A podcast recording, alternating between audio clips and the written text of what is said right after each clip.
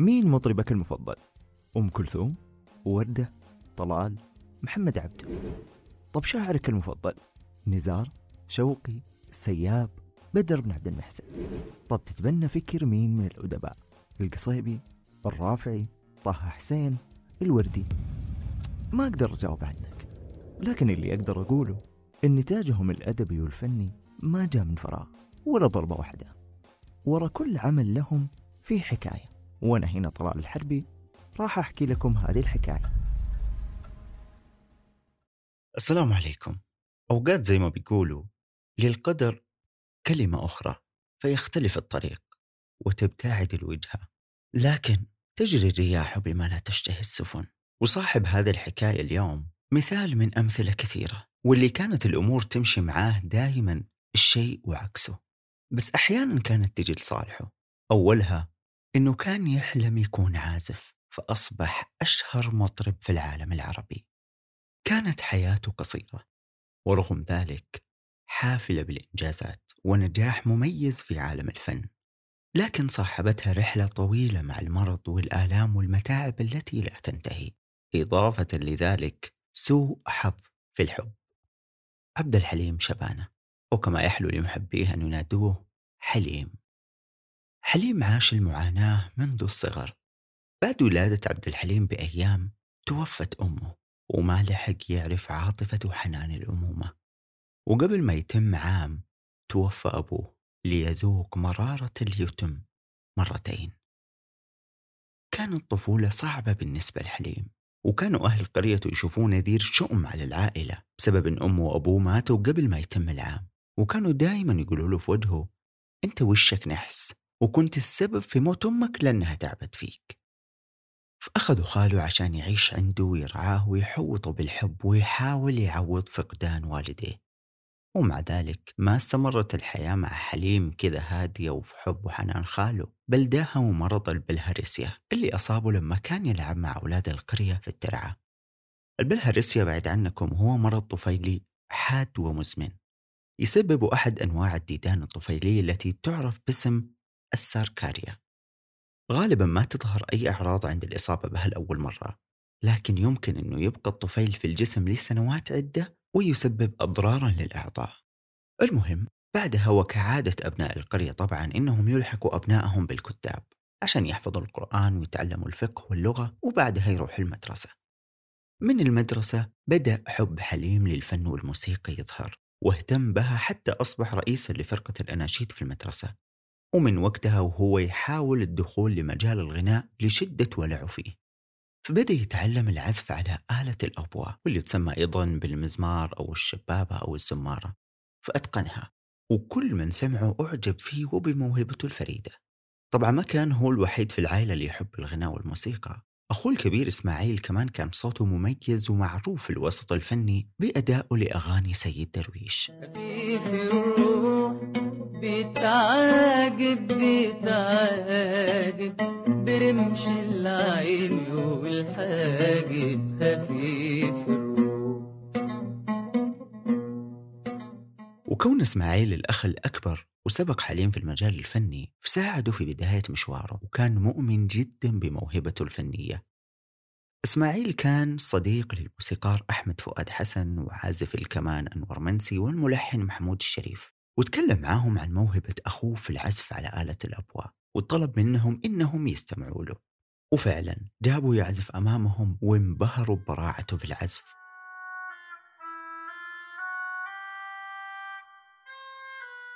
وزاد انبهارهم بطريقته الخاصة في الغناء لما غنى أغاني عبد الوهاب. يعني شاب في سنه يغني الموسيقار الأجيال بالجمال هذا ومن بعدها صاروا يصطحبوه معاهم في بعض الحفلات. في عام 1943 التحق حليم بعد تخرجه من المرحلة المتوسطة بمعهد الفنون العالي للموسيقى واللي يسمى الكونسرفاتوار بالمناسبة الالتحاق بمعهد الموسيقى في مصر كان بعد المرحلة المتوسطة مباشرة وليس المرحلة الثانوية. المهم التحق حليم بالمعهد وكان من ضمن المنضمين معاه كمال الطويل ومحمد الموجي. ومن الصدف العجيبة إنهم كانوا أمام لجنة تحكيم واحدة وقت الاختبار فقررت اللجنة وقتها وضع كمال الطويل والموجي في صف الغناء والأصوات وحليم في صف العزف على الآلات.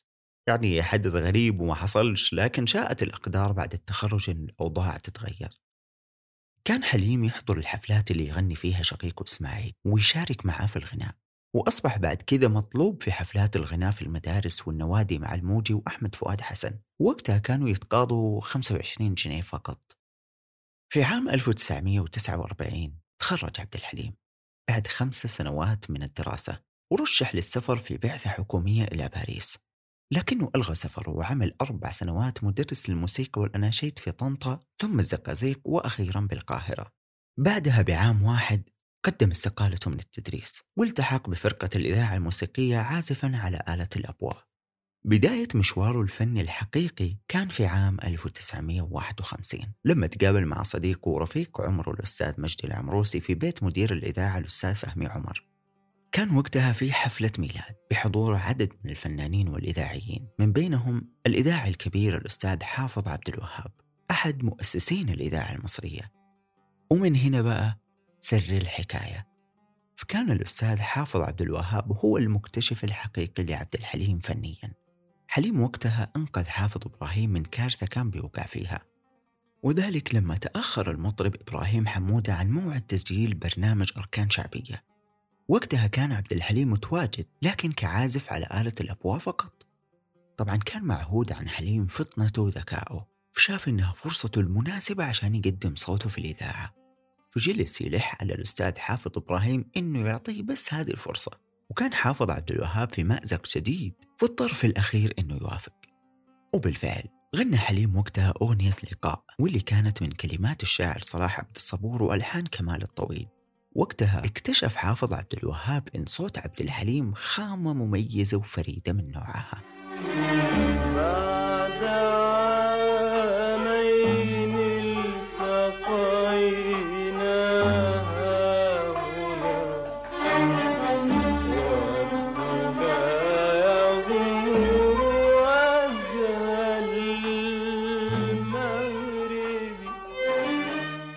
قدم حافظ عبد الوهاب عبد الحليم بعد ذلك إلى موسيقار الأجيال محمد عبد الوهاب اللي تبنى موهبته وغنى حليم قدامه بعض من أغانيه واللي كانت على طريقة حليم بدون ما يحاول إنه يقلد صوت عبد الوهاب أو يكون على نفس طبقته الغنائية. وهذا ما أعجب عبد الوهاب ولفت نظره الحليم وإعجابه الشديد بشخصيته إنه كانت له طريقته الخاصة فيه. كاتب رسايل بين شطين يا حلو يا أسمر.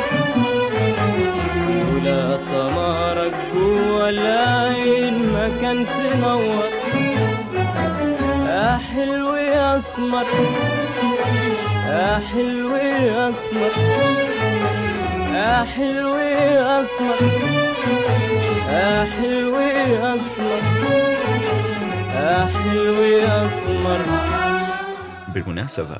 عبد الوهاب هو اللي اختار لحليم اسمه الفني عبد الحليم حافظ بدل من اسم عائلته شبانة. على اسم مكتشفه الحقيقي الأستاذ حافظ عبد الوهاب. وطبعا عبد الحليم وافق تقديرا لمكتشفه الحقيقي. تتوقع أن إحنا ممكن نتكلم عن عبد الحليم وما نستذكر الجانب العاطفي في حياته؟ صعبة. هذا الجانب اللي كثرة القصص والحكاوي والتأليف فيها كمان.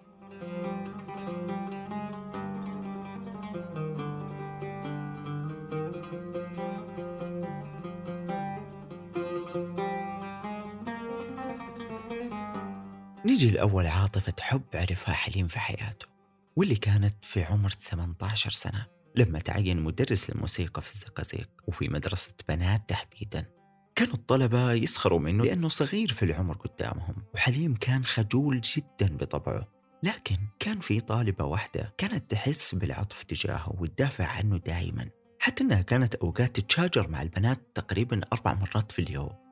بس الظاهر اندفاعها عنه مش بس عطف لأنها كانت تكتب له رسائل باستمرار حليم بدوره انجذب لها بسبب عطفها وحنيتها الكبيرة تجاهه. حنون حنون. لكن كانت مديرة المدرسة شديدة وما تفرق في عقاب أستاذ من تلميذ الجميع عندها سواسية. عبد الحليم خاف شوية من إن قصته مع البنت توصل للمديرة وتكون مشكلة كبيرة. والآن في الريف تحديدا كانت الحاجات هذه جريمة لكن حليم ما كانت نيته سوء. أبدا عبد الحليم أخذ خطوة وتقدم للبنت لكن أهلها رفضوا بحجة أنه فقير وما يقدر يعيش بنتهم في نفس مستواهم. فاستسلم عبد الحليم للظروف والعادات والتقاليد وللمديرة اللي كانت مسببت له رعب في قصته الحلوة القصيرة. ووضع نهاية للقصة قبل أن تتعمق أكثر وانتقل لطنطا. ووقتها قال حليم لم يودعني أحد على رصيف الانتظار وأنا أحمل حقيبتي سوى تلك الفتاة. وعندما مددت يدي لأسلم عليها رأيت المدير حينها فتوريت خلف زجاج القطار ولم أستطع أن أودع حبي الأول.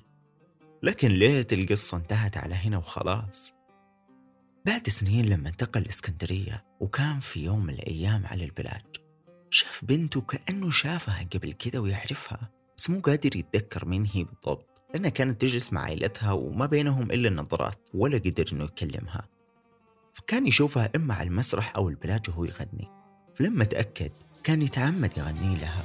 على قد الشوق اللي في عيوني يا جميل سلم. سلم. أنا يا ما عيوني عليك سألوني ويا ما بتسأل.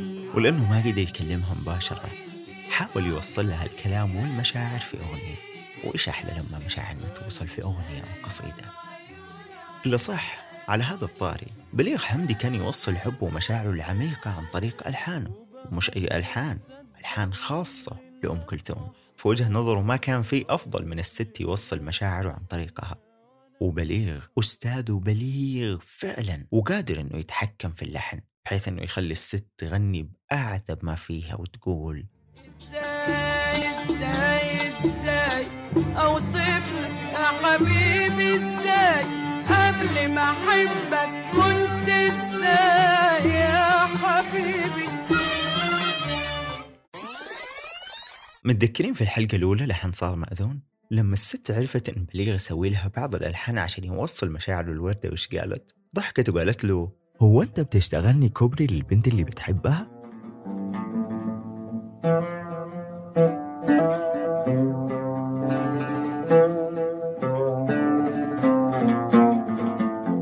لما رجع حليم القاهرة وفي يوم من الأيام اتصلت فيه إحدى المعجبات واللي كانت تتواصل معاه باستمرار. وفي أثناء كلامهم عرف إنها مخطوبة وخطيبها يغار منه جدا لأنها كانت دائما تكلم عنه وعن إعجابها الشديد فيه. لكن في الحقيقة إنه كان حب وليس إعجاب فقط لدرجة إنها كادت إنها تترك خطيبها بسبب عبد الحليم. فحاول حليم بكل حسن نية إنه يتوسط عشان يصلح بينهم. ولما جات دي اللحظة وشافها كانت الصدمة. هي نفسها طالبة الزقازيق وهي نفسها فتاة البلاد. يا نهار أسود! في إيه يا جماعة؟ مسكين حليم. تكون قدامه ثلاث مرات ولا يقدر يوصل.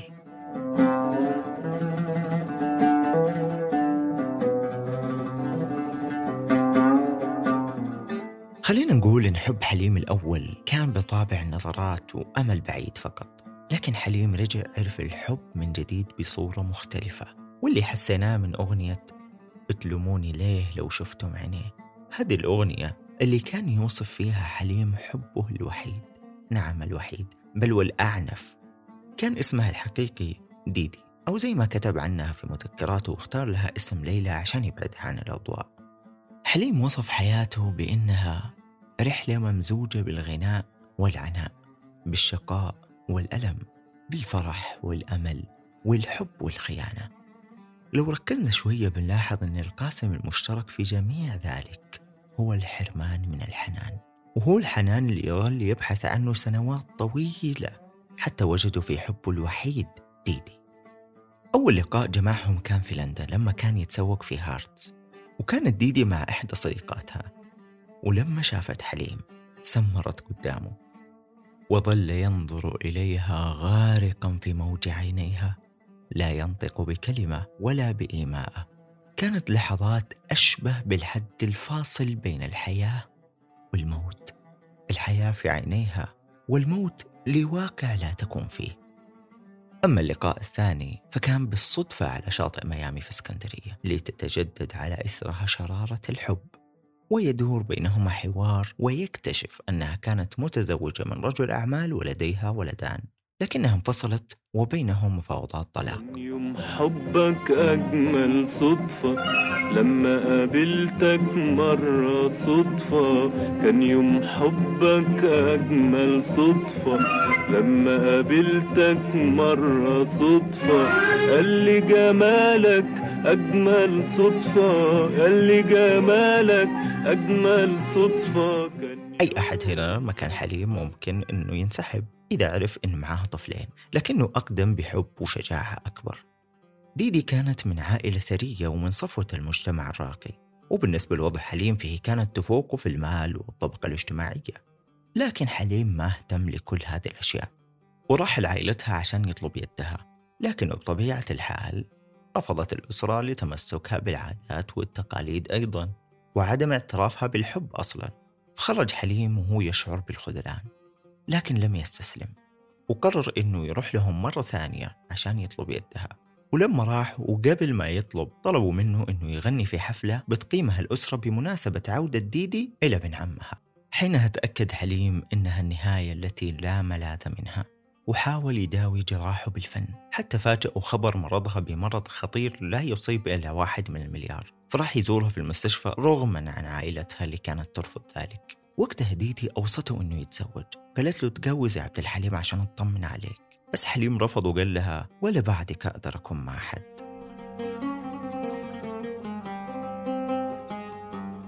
بعد شهور توفيت ديدي ورثاها بأغنية في يوم في شهر في سنة وصفها حليم في مذكراته بأنها ذات العيون الزرقاء التي اكتشفت من خلال حبي لها أن للحياة معنى وليكن اسمها ليلى. وليلى ليس اسمها لأن الاسم يجب أن يظل سرا. هي الآن ذكرى. لا أعرف كيف تتحول الضحكة واللمسة والأمل والحلم إلى ذكرى. أكيد جاء في بالكم سؤال إذا كانت ديدي هي حب حليم الوحيد إيش قصته مع سعاد حسني وإيش سر حكاية زواجهم؟ أحكي لكم. في الحقيقة أن عبد الحليم صرح إنه ما كان في أي علاقة زواج ربطته بسعاد حسني. سعاد ظهرت في حياته بعد وفاة ديدي وكان يحاول إنه يعوض حزنه وآلامه في سعاد فاللي ربطهم ببعض هو الود والتقدير. وحب كمان. حب؟ مش ده اللي كان بيقول لديدي ولا بعدك أقدر أكون مع حد؟ نقدر نقول إن حليم حب سعاد بكل ما فيه عشان تكون له تعويض عما فقد لكن في الحقيقة ما تزوجوا. طب ليه؟ هقول لكم ليه. لأن حليم كان يشوف ويقول أن الحب مش كل حاجة وأنه ما يكفي للزواج. هذا السبب ذكره في مذكراته ويقول أنه لما فكر يرتبط بسعاد لاحظ تغيرها بعد نجاحها المبهر في فيلم خلي بالك من زوزو واللي كان أول بطولة لسعاد مع حسين فهمي وسمير غانم هذا الفيلم حقق أعلى إيرادات عام 72 وجلس يعرض باستمرار يوميا في السينما لمدة عام كامل حتى تم إدراجه تحت قائمة أفضل 100 فيلم في السينما المصرية. كان تغير سعاد من وجهة نظر حليم تغير معاني إنسانية جميلة وإنها اهتمت أكثر بالفن والأضواء. لذلك الأمر ما كان يمشي. قعدوا 12 سنة ما يتقابلوا اللي بينهم بس التليفون. تبقى أكثر علاقة مبهمة هي علاقة حليم بسعاد. ومع ذلك ما أنكر حبه لها لسنوات طويلة. حتى الأستاذ عبد الوهاب أكد على حب حليم لسعاد. طب يا سيدي إيش سبب الإشاعة اللي طلعت إذا ما كان في علاقة زواج تربطهم؟ السبب وضحه حليم وقال إنه في يوم كان جالس في مكتب وجدي الحكيم وكان يتكلم إن فيلم الراعي والناس والدرجة الثالثة لسعاد حسني ما حققوا الإيرادات المطلوبة. كان وقتها الإعلامي مفيد فوزي متواجد. فاقترح اقتراح إنه لو ربطنا سعاد بحليم الأمور حتخليها ترجع تاني للصورة وتنجح. ومن هذا المنطلق خرجت الشائعة لإعادة نجومية سعاد حسني. وبالفعل حصل ورجعت سعاد نجمة الشباك الأول وقتها. زي ما يقولوا العيار اللي ما يصبش يدوش صح إنها كانت مصلحة لكن حليم حب سعاد وكان لها نصيب من قلبه. لكن يبقى حب حليم لديدي هو المختلف والأشد. ما هو الحب الأول مش بيتنسي؟ ذكر مجدي العمروسي صديق حليم في كتابه أعز الناس. إن قصة الحب اللي عاشها حليم كان لها مردود كبير على عطائه الفني واستمرت حتى وفاته. أول مرة تحب يا قلبي وأول يوم أتهنى. يا ما على نار الحب قالولي ولقيتها من الجنة. أول ولا وقف بس على كذا إنما كان مشوار حافل بالأغنيات التي كانت تصف مشاعر حليم في كل مرحلة من تلك التجربة. بعد رفضه من الزواج خرجت أغنية القلب الخالي ظلموه وغيرها واللي حققت أغاني تلك الفترة نجاحا مبهرا. وكان أغلب المنتجين يلتفتوا على تلك الموهبة. فعلا محظوظ في العمل تعيس في الحب. وهذا يثبت أنه من رحم المعاناة يولد الإبداع. وكان بطل قصة حليم وفنه هو الألم والحرمان أكثر من أي شيء آخر.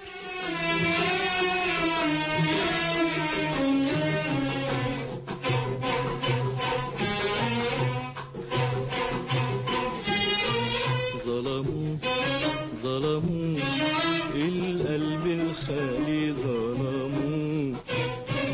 قبلوا شبكوا وارتاحوا لما شغلوا وعدوا. افتكروا دايم يقولوا إن الإنسان ممكن ينسى لكن أنا أشوف إنه غير صحيح. الإنسان ممكن يتجاهل يتغافل يتناسى لكن ينسى مستحيل خصوصا إن كانت مشاعر وعواطف جياشة. العاطفة هي أسمى شيء في الوجود.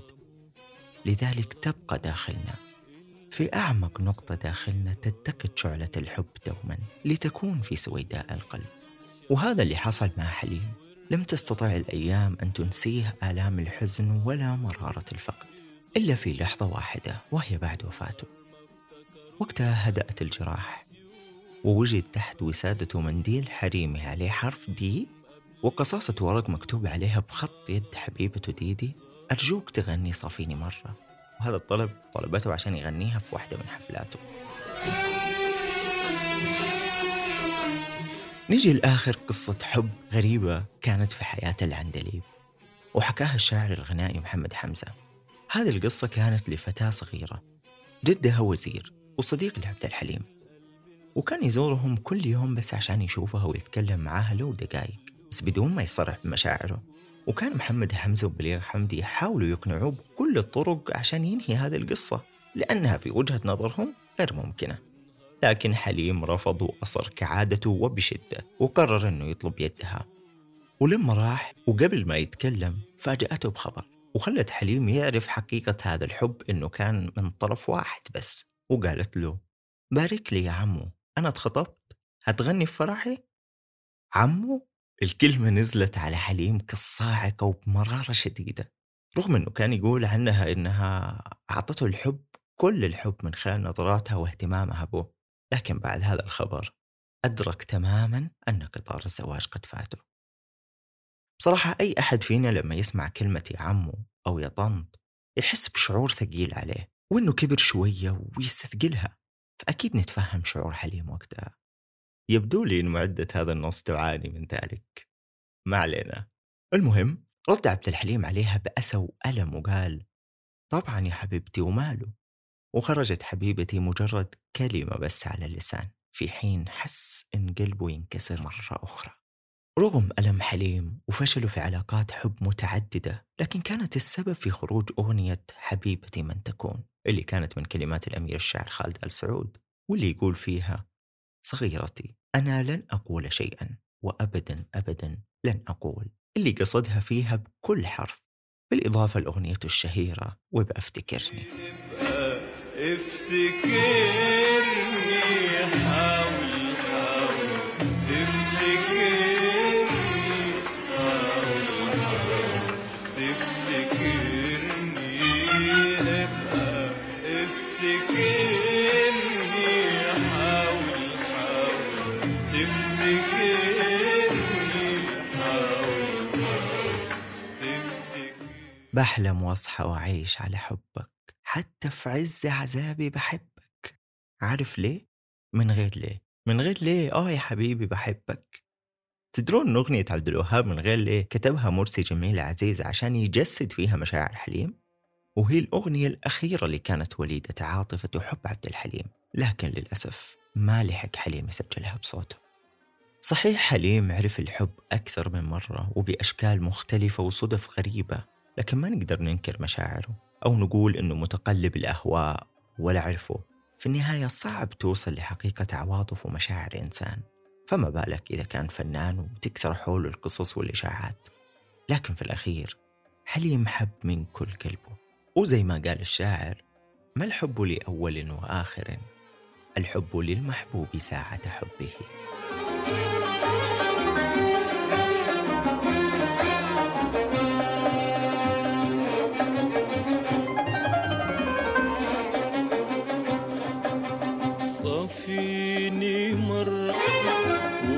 وقفيني مرة صفيني مرة وقفيني مرة ولا تنسانيش كده بالمرة. على فكرة صافيني مرة وجافيني مرة كانت أول أغنية يقدمها حليم على المسرح. تحديدا في المسرح القومي بكورنيش اسكندرية عام 52 كان حلم حليم إنه يغني في الإسكندرية ولما جاته الدعوة اتصل فورا بصديقه مجدي العمروسي عشان يحضر لكن يا فرحه ما تمت. المعروف عن أهل الاسكندريه إن مزاجهم الفني طراز أول لأنهم تعودوا على أغاني سيد درويش والشيخ إمام ومحمد عبد الوهاب. يعني ذائقة فنية رفيعة وبديعة. فلما قدم حليم أغنية صافيني مرة واللي كانت من ألحان صديقه محمد الموجي ما رحب جمهور إسكندرية بحليم ولا بأغنيته وطلبوا منه أنه يغني أغاني عبد الوهاب. لكن كعادة حليم يرفض ويصر على موقفه. لين بدأوا يسبوه ويرموه بالبيض والطماطم. صراحة ما أعرف من فين جابوهم لكن المهم أنها كانت كارثة بكل المقاييس في المسرح. وقتها متعهد الحفل خاف إن الناس تكسر المسرح والآلات الموسيقية فحاول في حليم إنه يخضع لرغبة الجمهور ويغني لعبد الوهاب قبل ما يكسر الجمهور المسرح على رأسه. لكنه رفض وبعزة نفس أصر إنه يغني صافيني مرة. فاضطر إنه يطرده هو الموجي. فراح عبد الحليم لعبد الوهاب في شقته في الإسكندرية وحكى له كل اللي صار فطيب خاطره عبد الوهاب وأعطاه تعويضا عما حصل. حليم كان ذكي وعنده هدف يبغى يوصل له وأول الأبواب هو باب موسيقار الأجيال. طبعا وقتها اللي يشتغل مع عبد الوهاب يدخل التاريخ من أوسع أبوابه ويكون اعتراف صريح وواضح إن صوته خامة مميزة ويخلي محمد عبد الوهاب يلحن له بنفسه وهذا اللي حصل. في واحدة من الحفلات الخاصة اللي حضرها عبد الوهاب صرح برأيه في حليم وقال إنه عنده ثقة كبيرة بنفسه وإني كنت أتوقع إنه يتهيأ بالغناء أمامي لكنه احتضن عوده وغنى وهو هادئ الأعصاب حتى لما غنى من أغنياتي غناها بطريقته الخاصة وليس بطريقتي ولاحظت بأنه على قدر كبير من الذكاء والثقافة. بعدها وقع عبد الوهاب عقد إنتاج فيلم لعبد الحليم. عبد الوهاب ما كان يملك شركة إنتاج خاصة وقتها إنتاج حر فقط عبد الوهاب كان مقتدر ماديا وقادر إنه ينتج فيلم لحليم بقيمة 500 جنيه لكن ما لحن له وقتها ولا أغنية إيش الحكمة بالضبط؟ مش عارف هل هو كان اختبار لحليم؟ أو ربما اختبار لمدى تقبل الجمهور لحليم وأدائه؟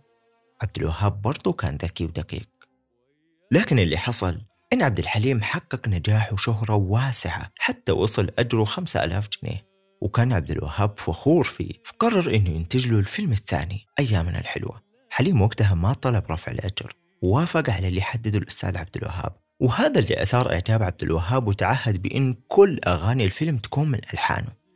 نقدر نقول إن عبد الحليم لعبها صح وعرف كيف يرفع صورته قدام عبد الوهاب. مثل حليم بعد كذا فيلم بنات اليوم ولحن الموسيقار الكبير العندليب فيه خمسة من أجمل أغانيه. عقبالك يوم ميلادك يا قلبي يا خالي وكنت فين؟ أهواك وظلموه وبكذا ارتبط حليم بذكائه وتخطيطه بأستاذه عبد الوهاب. ومو بس كذا بل إن حليم كان عنده حلم إنه يأسس شركة للإنتاج الفني. يعني عشان يكون حر نفسه وما يتحكم في منتج. فاستفاد من العلاقة بينه وبين عبد الوهاب وأسسوا مع بعض شركة صوت الفن للإنتاج والتوزيع السينمائي. وكان معاهم صديق عمره مجدي العمروسي ووحيد فريد وإسماعيل أخوه.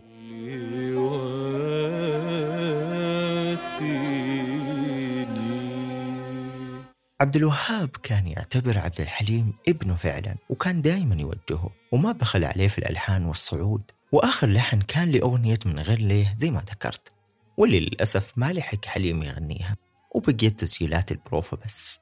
من غير ليه؟ هذه الأغنية الفلسفية العظيمة تبدأ بسؤال فلسفي وجودي. كل ده كان ليه؟ كانت الأغنية ملحنة ومكتوبة لصوت العندليب الأسمر لكن لم يشاء الله أن يغنيها. ومن شدة عشق عبد الوهاب الحليم احتفظ بالأغنية ورفض أنه يعطيها أي مطرب آخر. حتى أن وردة طلبتها منه لكنه رفض رغم معزتها عنده. لكنه كان يشوف أن الأغنية مفصلة على صوت حليم بس. إلى أن نشرها بصوته بعد عشر سنوات من وفاة عبد الحليم وكانت آخر أعمال موسيقار الأجيال أيضا من الأعمال الخالدة الجميلة للأمانة. على فكرة مو بس وردة اللي كانت معجبة في أغنية من غير ليه أو كانت تتمنى تغنيها. خليني أقول إنها كانت السبب في ميلاد فنان من أعظم الفنانين في الوطن العربي.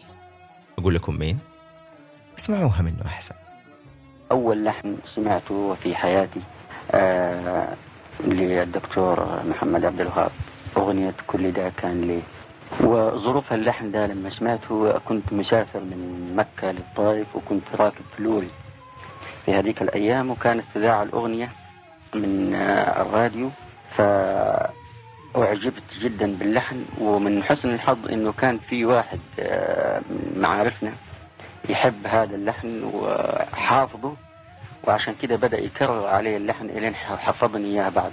فلكونها أعجبتني آه، بطبيعة الحال آه، حاولت إني أحفظ اللحن من الزميل اللي كان معانا. وعشقت حقيقة الغنى والمجال الموسيقي آه، بعد سماعي لهذا الأغنية كل ده كان ليه لما شفت عينيك بصراحة يا ليت قدرنا نسمعها بصوت طلال.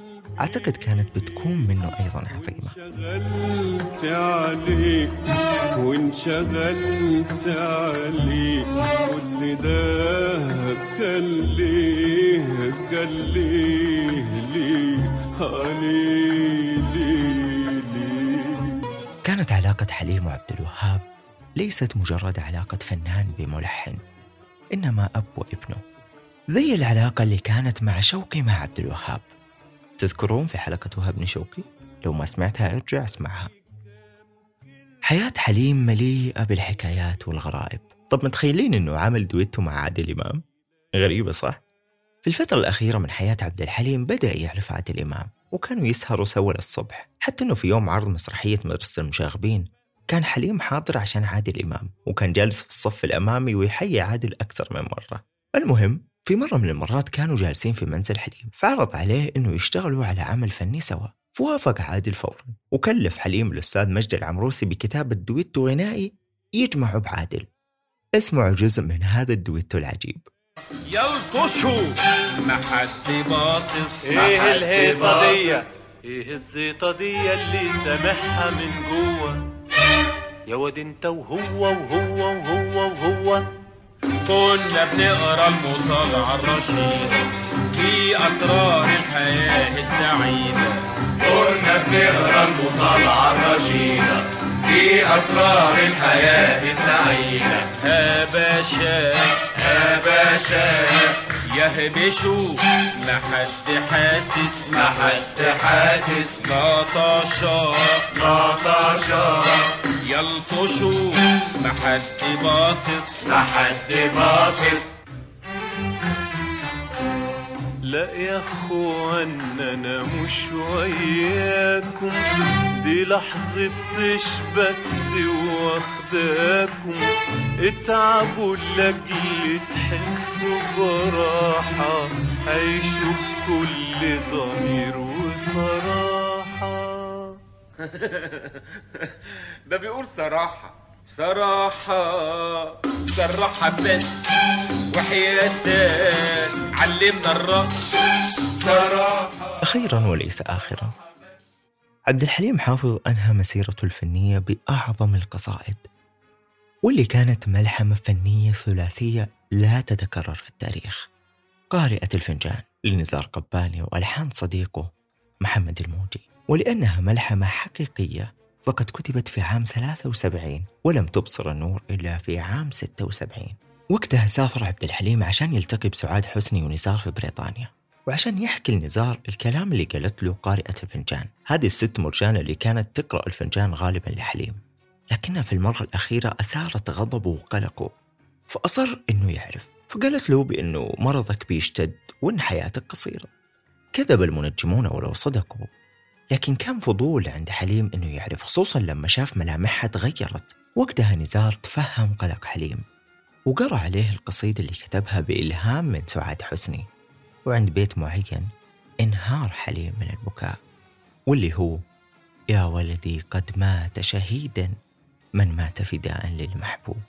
هذه الأغنية اللي أجهدت عبد الحليم حرفيا واللي وصل حده من التعب والألم الجسدي والنفسي وهو يغني.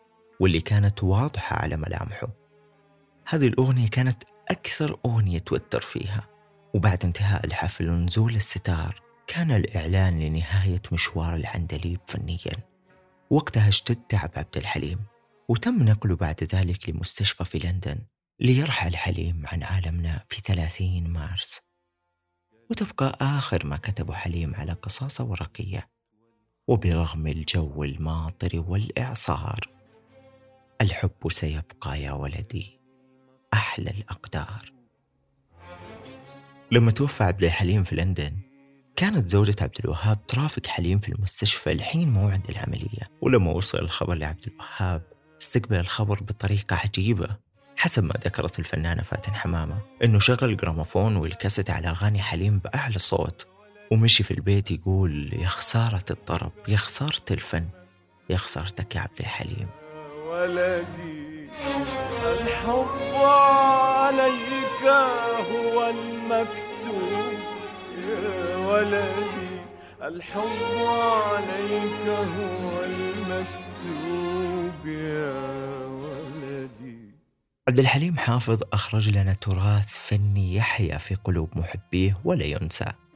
تراث مختلف رغم أن صوته ليس بقوة صوت أم كلثوم. أو فخامة وركازة صوت عبد الوهاب. الإضافة الحقيقية اللي صنعها عبد الحليم حافظ هي أنه جعل تعبير الصوت أهم بكثير من درجة قوته. صوت عبد الحليم ضعيف بالمعايير الكلاسيكية ويمكن مقارنة هذا الضعف مثلا بقوة صوت شقيقه الكلاسيكي تماما إسماعيل شبانة. ولذلك قيل أنه لولا وجود الميكروفون لما نجح عبد الحليم. ربما يكون هذا الكلام صحيح لكن من قال أنه أراد أن يكون كلاسيكيا يغني بدون ميكروفون فيسمع كل من في الصالة. لقد أراد عبد الحليم أن يبسط الأداء ويشحنه بدرجة تعبير مذهلة وأن يتغنى بالشعور والمعنى في المقام الأول. ما إحنا محتاجين الحنية حتى في الأغنية. صوت حليم كان نقيض غريب ومزيج مذهل من رقة وهدوء إلى ثورة وانتفاضة وحتى البهجة. حليم كان يمتلك مستودعا جاهزا للتعبير ثم يضيف إليه حلاوة متفردة. أتذكر أني قرأت وصف عذب لصوت حليم يقول لو كان العسل المصفى أثيرا منغما لكان صوت عبد الحليم. يا. وعلى طاري صوته في سؤال صادفته كان تعليق على مش متذكر أي أغنية بصراحة. المهم أنه كان يقول ليه الناس تسمع الحليم؟ وإيش يحسوا هم بيسمعوا له؟ بصراحة عن نفسي ما أعرف. هل بسبب صوته؟ أو إحساسه؟ أو توظيفه للحن؟ أو لأنه يلمس أعمق وأسمى ما فينا العاطفة. شاركوني في التعليقات رأيكم عن الحلقة وشعوركم وأنتم تسمعوا حليم. لكن قبل ما أختم وبعد الانتهاء من الحلقة الأخيرة حاب أقول لكم كلمتين. أولا إن الموسم الأول من هذه الحكاية كان تجربة مدهشة ولافتة للانتباه في عالم البودكاست العربي بفضل الله من خلال قصصها المشوقة والملهمة واللي استطاعت هذه السلسلة إنها تحقق شعبية جيدة ومرضية لي تحديدا بحكم إنها التجربة الأولى في عالم البودكاست. التنوع اللي في المواضيع والرسائل المهمة اللي تضمنتها أغلب الحلقات وتأثيرها على الجمهور خلى الموسم الأول محفزا لي في المقام الأول بأن يكون بمثابة بداية ناجحة لسلسلة رائدة. ويثبت أن البودكاست قادر على إلهام المستمعين وتغيير حياتهم إلى الأفضل وجعلهم متشوقين لموسم آخر أكثر نجاحا بإذن الله. بصراحة يمر الآن أمامي شريط محطتي منذ البداية. بداية من فكرة البودكاست ثم اختيار الاسم وتصميم اللوغو المناسب ثم البدء بالحلقة الأولى. لحن صار مأذون. وعشنا في هذه الرحلة قصة بليغ حمدي ووردة واللي كانت مجرد مشاركة بسيطة قدمتها في دورة صناعة البودكاست مع الأستاذ أنس بن حسين اللي يعود له الفضل بعد الله في إنجاح هذا البودكاست بعد أن آمن بي وبفكرتي وقدراتي. ثم انتقلنا لأديبة ومحبوبة عصرها في مي سكر زيادة. وعرفناها من الألف إلى الياء. وخضنا بعدها في موضوع مثير للجدل عند البعض الميسوجينية أو كراهية النساء. ثم انتقلنا لحلقة اختيار الألم التي لامست الكثير منكم واللي عرفنا فيها إن في ناس يختارون الألم بنفسهم وتحدثنا عن التكرار القهري والجانب النفسي فيها. ثم بعد ذلك تطرقنا لشيرين وصراعاتها. هذه الحلقة اللي كتبت في ليلة واحدة وسجلتها أمام الجمهور في مؤتمر إجنايت بالرياض. بعنوان شيرين والذات. ثم انتقلنا لصراع أنيس منصور مع قدوته العقاد في حلقة الأنيس منصور. ثم الخوض في معرفة المدارس الشعرية وانقسام الشعراء وتبني أحمد شوقي لمحمد عبد الوهاب في حلقة وهبني شوقي وبعد كذا رحنا في رحلة محملة بالجمال بدأناها بتساؤل فلسفي. ما هو الجمال؟ وقصة الشاعر بيرم التونسي المريرة والناجحة معا في حلقة الجمال في الزورة. إلى الحلقة اللي جبنا فيها قهوة وتكلمت فيها مع صاحب الجدع سمسم عن تاريخ المقاهي ورمزها العربي نجيب محفوظ. في حلقة نجيب قهوة لنتحول بعدها إلى الرسالة المفقودة والتقاء رمز ديني بآخر لا يعترف بالديانات. ليهل علينا رمضان بحلقة رمضان جانا أيوحة. وتلتها فرحة العيد بحلقة أنس العرب. ثم الحلقة اللي كانت هي الفكرة الأولى للبودكاست وهي المعارك الأدبية الطاحنة بين الأدباء.